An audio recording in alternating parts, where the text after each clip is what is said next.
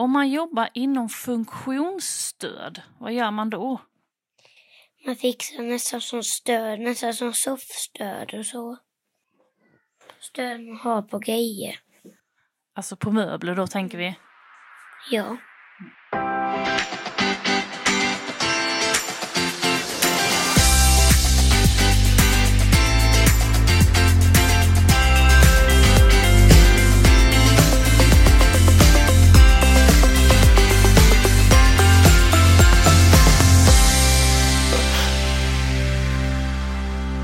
Ni lyssnar på podden Sjukt bra i Kristianstad kommun med mig Malin Thorén.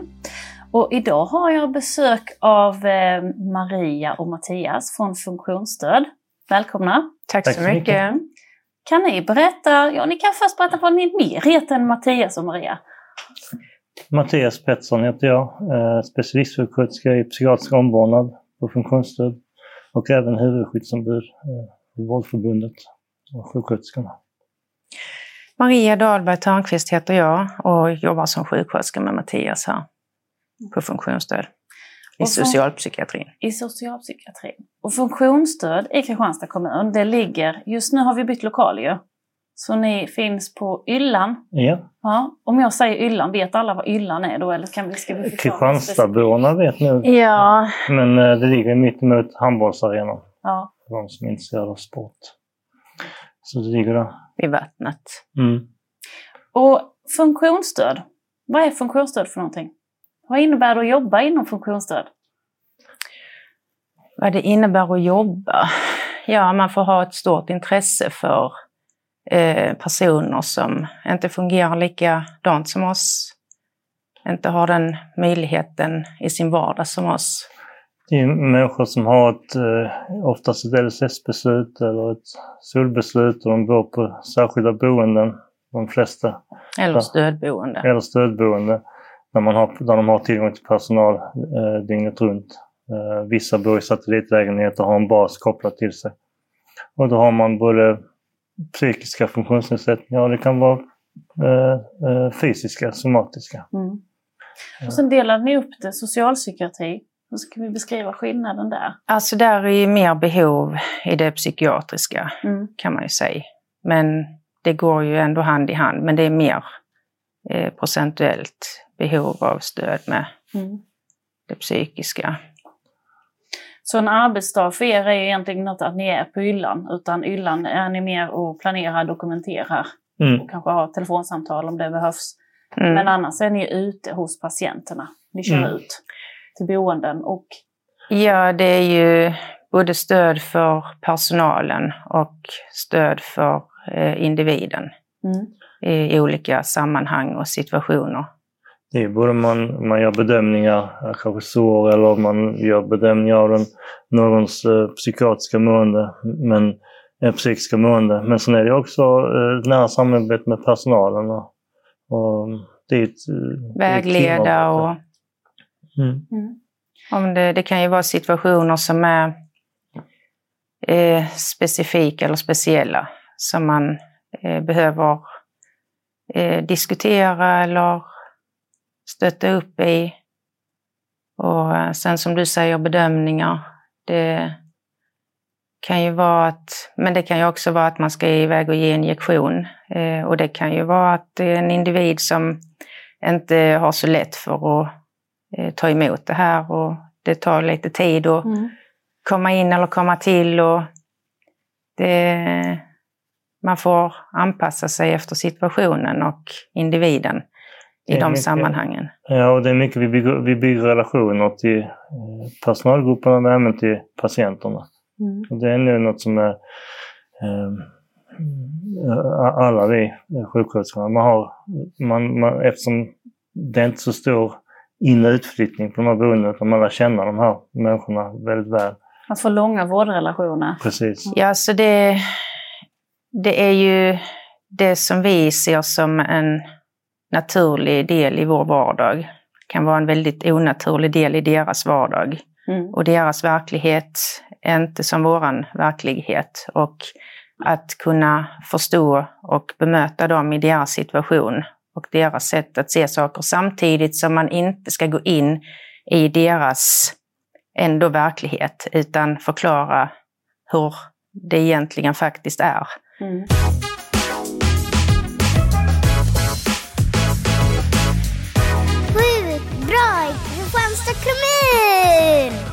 Om man tittar på det som ni beskriver så har jag lite frågor kopplat till eh, att det, det är lite speciellt att arbeta inom funktionsstöd.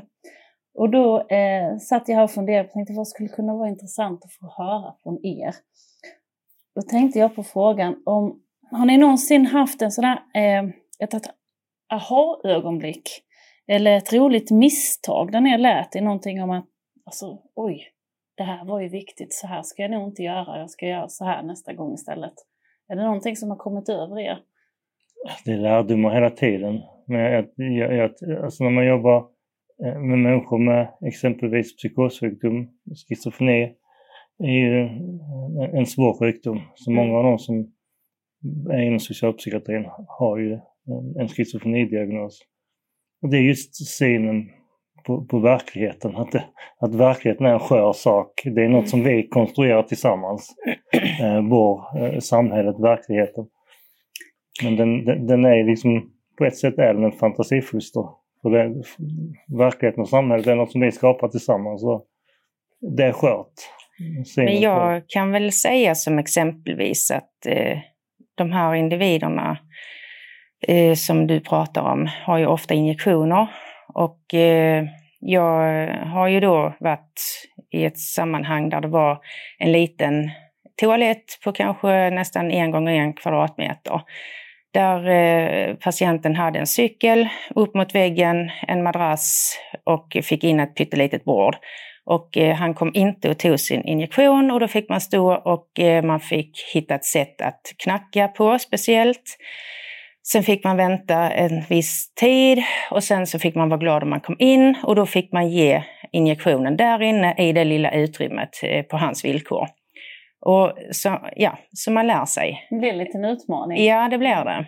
Om man ser till just den här, sådana här situationer som man hamnar i, så tänker jag om man skulle ha en superkraft som skulle underlätta ert arbete inom funktionsstöd, vilken skulle det vara och varför? Om vi leker med tanken en superkraft? Ja, men jag känner att superkraften är att kunna älska detta utmaningen i att det är en svårighet att möta de här individerna. För att man, gillar man inte det, då kan man inte jobba med den här graden. För att tar man väck den här grejen att de är på det här sättet, då tar man väck utmaningen i jobbet. Mm och, och, och superkraft, jag, jag, vet inte. De, alltså det finns en livskvalitet och de, alltså jag, jag ser nog inga svårigheter. Det är när de får psykosgenombrott, när, när man inte kan nå fram till dem och de inte kanske vill ta sin injektion. Då, Då hade man velat ha en superkraft mm. att nå dem. Ja, precis. Att nå dem. Mm, det var faktiskt lite det jag tänkte också. Eh, jag funderar också på eh, ni, det som ni beskriver. Ni, det verkar som att ni upplever att det, det är roligt att gå till jobbet. Mm. Det är fantastiskt. Jag har ju en kompis här, en ny kollega som heter ChatGPT. Du kände ju till ChatGPT Mattias, men Absolut. inte du Maria. Nej. jag har ju börjat kalla det för min nya kollega. Oj då. Eh, och så tänkte jag så här, eh, jag ställer frågan till ChatGPT, varför går Mattias och Maria till jobbet? Ska vi höra vad chatten svarade? Mm. Mm. Kanske för att de har inte tillgång till buss. Jag sådana svar. Nej. Nej, vi lyssnar här. 1. Passion för att hjälpa. 2. Känsla av mening och syfte. 3. Relationer och mänsklig interaktion. 4. Upplevelse av tillväxt och utmaningar. 5. Känsla av gemenskap och teamarbete. 6. Mm. Passion för empati och förståelse. Och sju, möjlighet att göra skillnad. Mm. Jag kan bara instämma på allt, det var klockrent. Mm. Det jag vill lägga till det är ju också att man växer som människa. Alltså, jag har alltid tyckt att om man ska lära sig någonting så lär man sig det av människor.